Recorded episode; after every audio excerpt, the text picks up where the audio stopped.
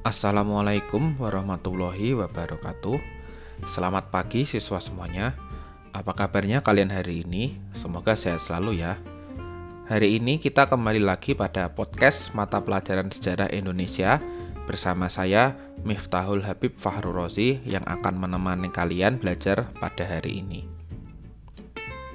Pada podcast kali ini kita akan membahas materi tentang pengertian sejarah. Tujuannya supaya kalian memiliki pemahaman terkait pengertian sejarah, baik secara etimologis ataupun pengertian sejarah menurut para ahli. Nah, untuk mempersingkat waktu, kita langsung mulai saja ya materi pada pertemuan kali ini. Nah, pertama-tama kita akan membahas pengertian sejarah secara etimologis.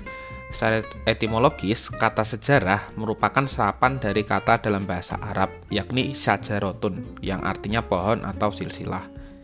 Jadi sekarang kalian sudah tahu ya bahwa kata sejarah itu merupakan serapan dari bahasa Arab. Selanjutnya, dalam bahasa Inggris, kata sejarah diterjemahkan menjadi kata history, yang berarti apa yang diketahui karena penyelidikan. Hal ini dikarenakan seorang sejarawan kalau mau menulis sejarah, dia harus memulainya dengan sebuah penyelidikan. Jadi, pada dasarnya sejarah itu merupakan hasil dari kerja-kerja penyelidikan yang dilakukan oleh sejarawan.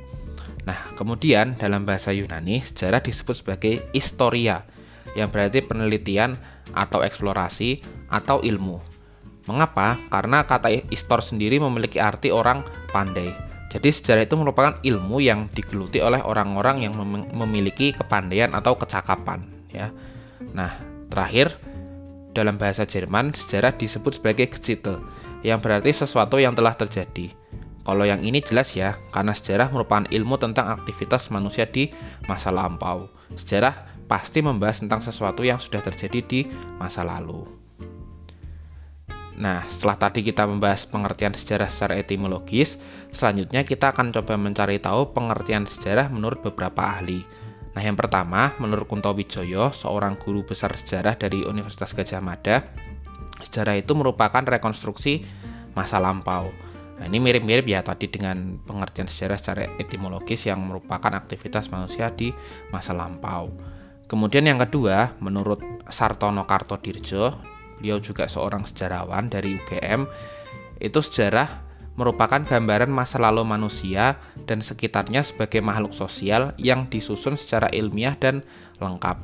Jadi di sini selain membahas tentang masa lalunya juga ditambahkan elemen manusia sebagai makhluk sosial serta disusun secara ilmiah gitu. Nah, selanjutnya menurut Ibnu Khaldun, sejarah merupakan catatan peradaban manusia. Nah, pendapat lain lagi datang dari sejarawan Inggris Robin George Collingwood yang menyatakan bahwa sejarah adalah bentuk penyelidikan tentang hal-hal yang dilakukan manusia pada masa lampau. Nah, terakhir, menurut sejarawan Inggris yang lain yaitu Edward Hellcar, Sejarah merupakan interaksi tiada henti antara sejarawan dengan fakta-fakta sejarah atau dialog tanpa henti antara masa kini dan masa lampau.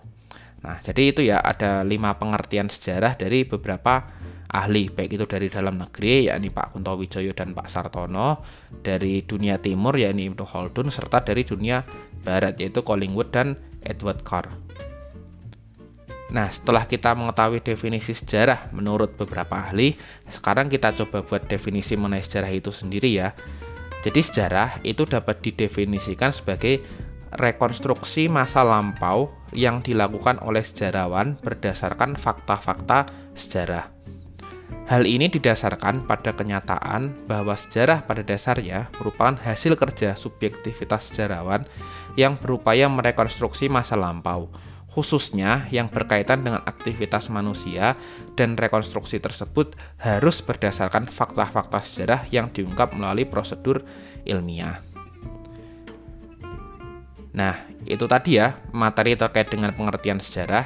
Kesimpulannya adalah untuk memahami pengertian sejarah, kita harus memahami asal-usul kata atau etimologis dari kata sejarah itu sendiri.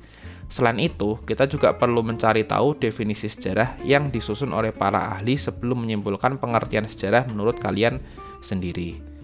Nah, tadi saya sudah mencoba menyusun pengertian sejarah menurut saya sendiri ya. Nah, bagi kalian, selama masih berpatokan pada aspek etimologis tadi dan pengertian sejarah menurut ahli, kalian bisa kok menyusun definisi sejarah menurut kalian sendiri. Baik, demikianlah materi pada pertemuan kali ini. Semoga podcast ini bermanfaat dan memberikan kalian pemahaman mengenai apa itu sejarah ya. Kurang lebihnya mohon maaf. Terima kasih. Wassalamualaikum warahmatullahi wabarakatuh.